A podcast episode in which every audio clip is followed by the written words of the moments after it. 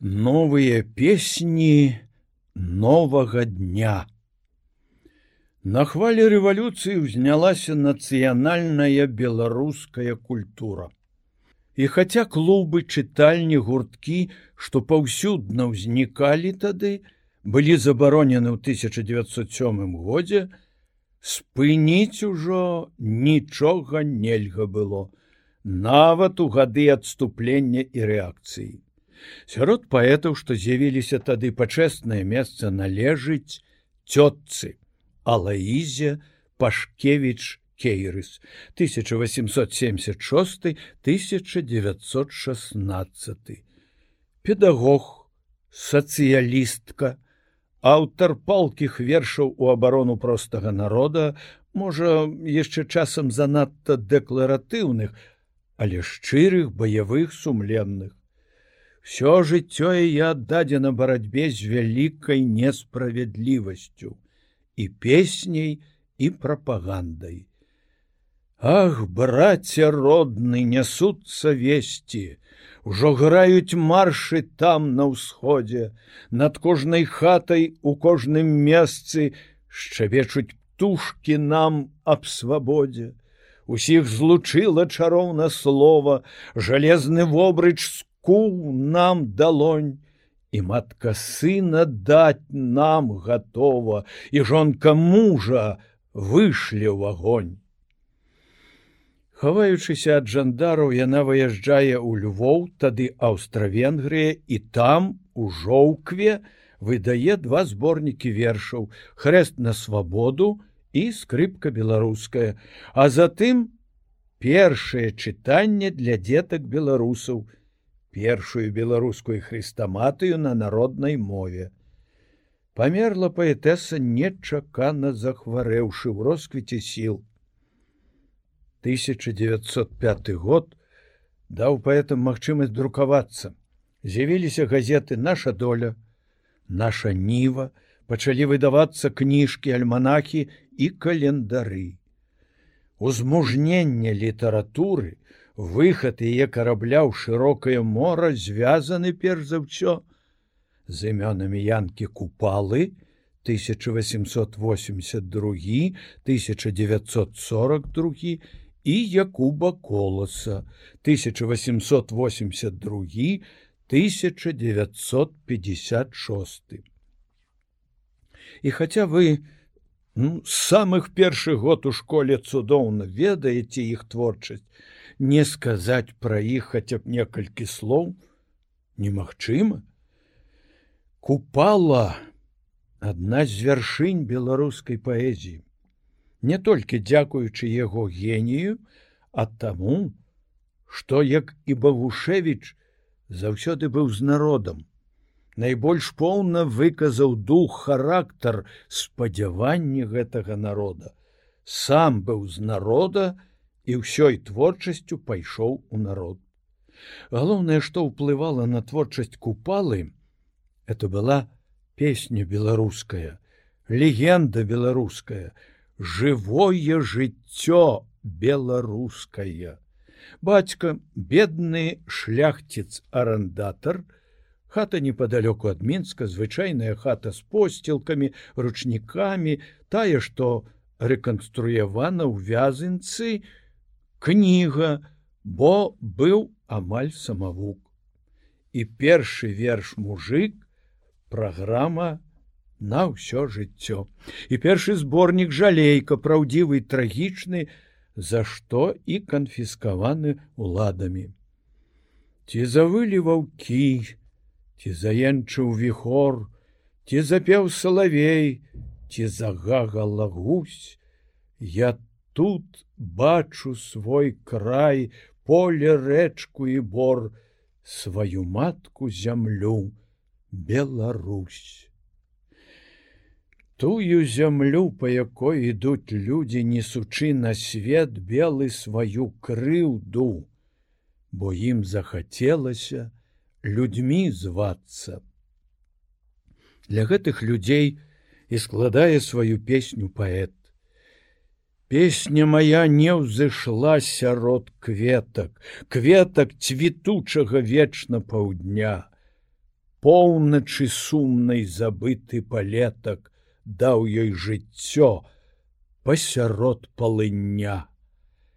Песня моя не шукае чырвонцаў, будучнасць гэткіх не знойдзе ў ёй плям. Жыць толькі хоча в радзімай старонцы пеці па сэрцу ўсім добрым людзям. Пеці і з часам у добрую пору выклікаць водклік у сонным сяле.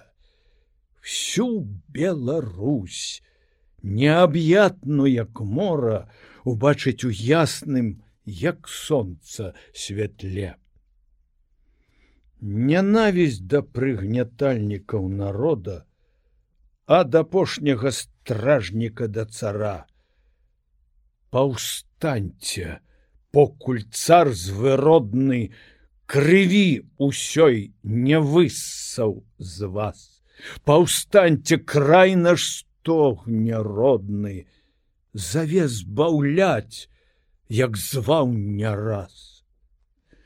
Глыбокае і непадробнае народалюбства былі ўласцівы паэту, выключныя і ў майстэрстве такой паэмы, як курган, у якой гусляр спявае вылетку князю жорсткую праўду аб ім і за гэта жыўцом кладзецца ў зямлю.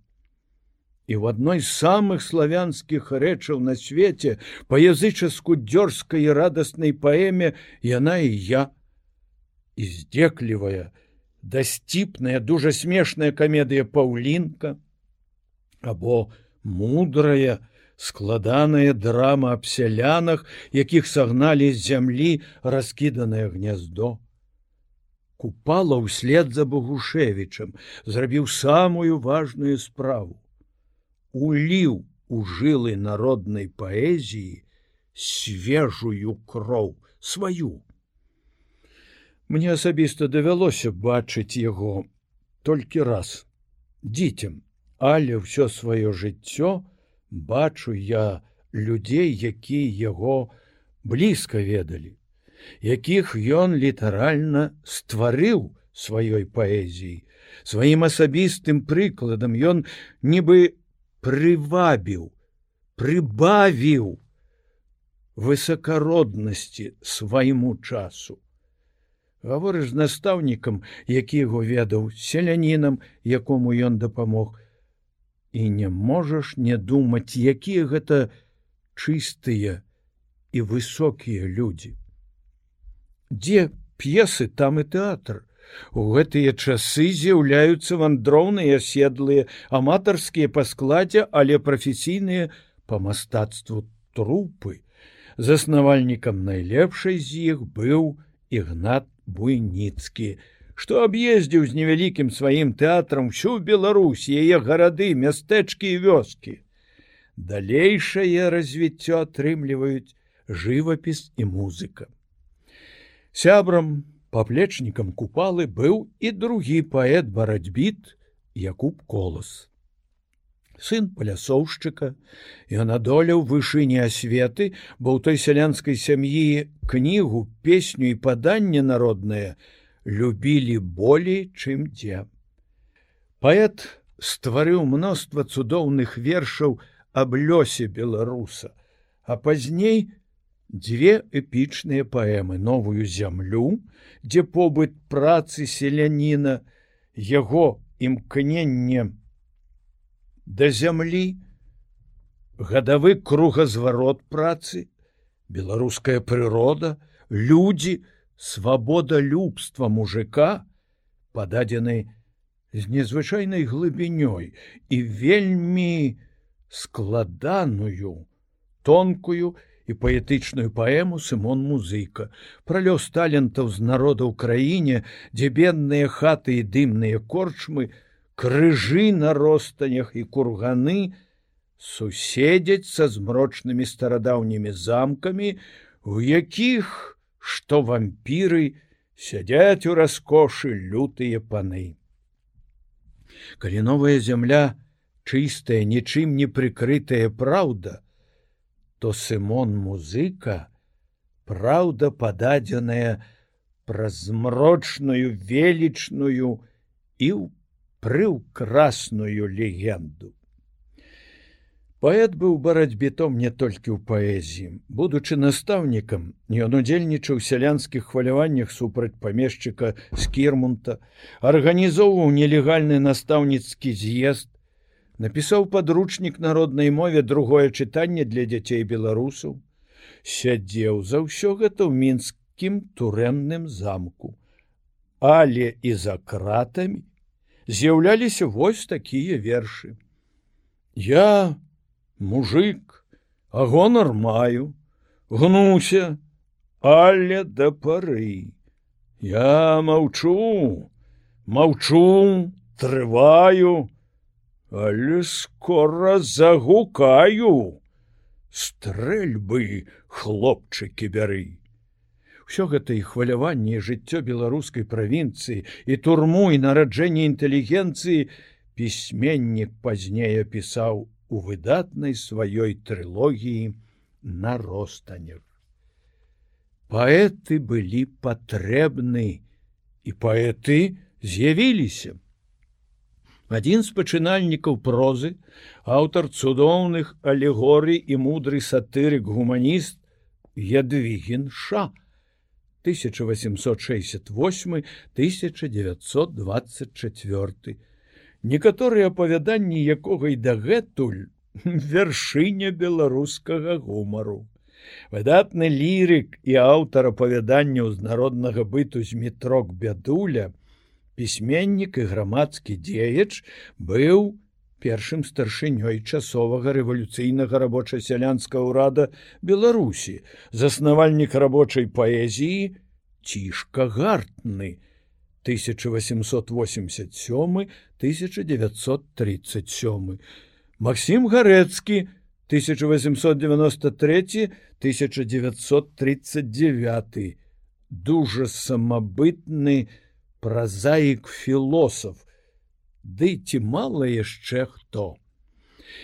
І ўрэшце паэт выключны па разнастайнасці вершаў па форме іх па адметнасці генія, Э, не побаімся сказаць гэта.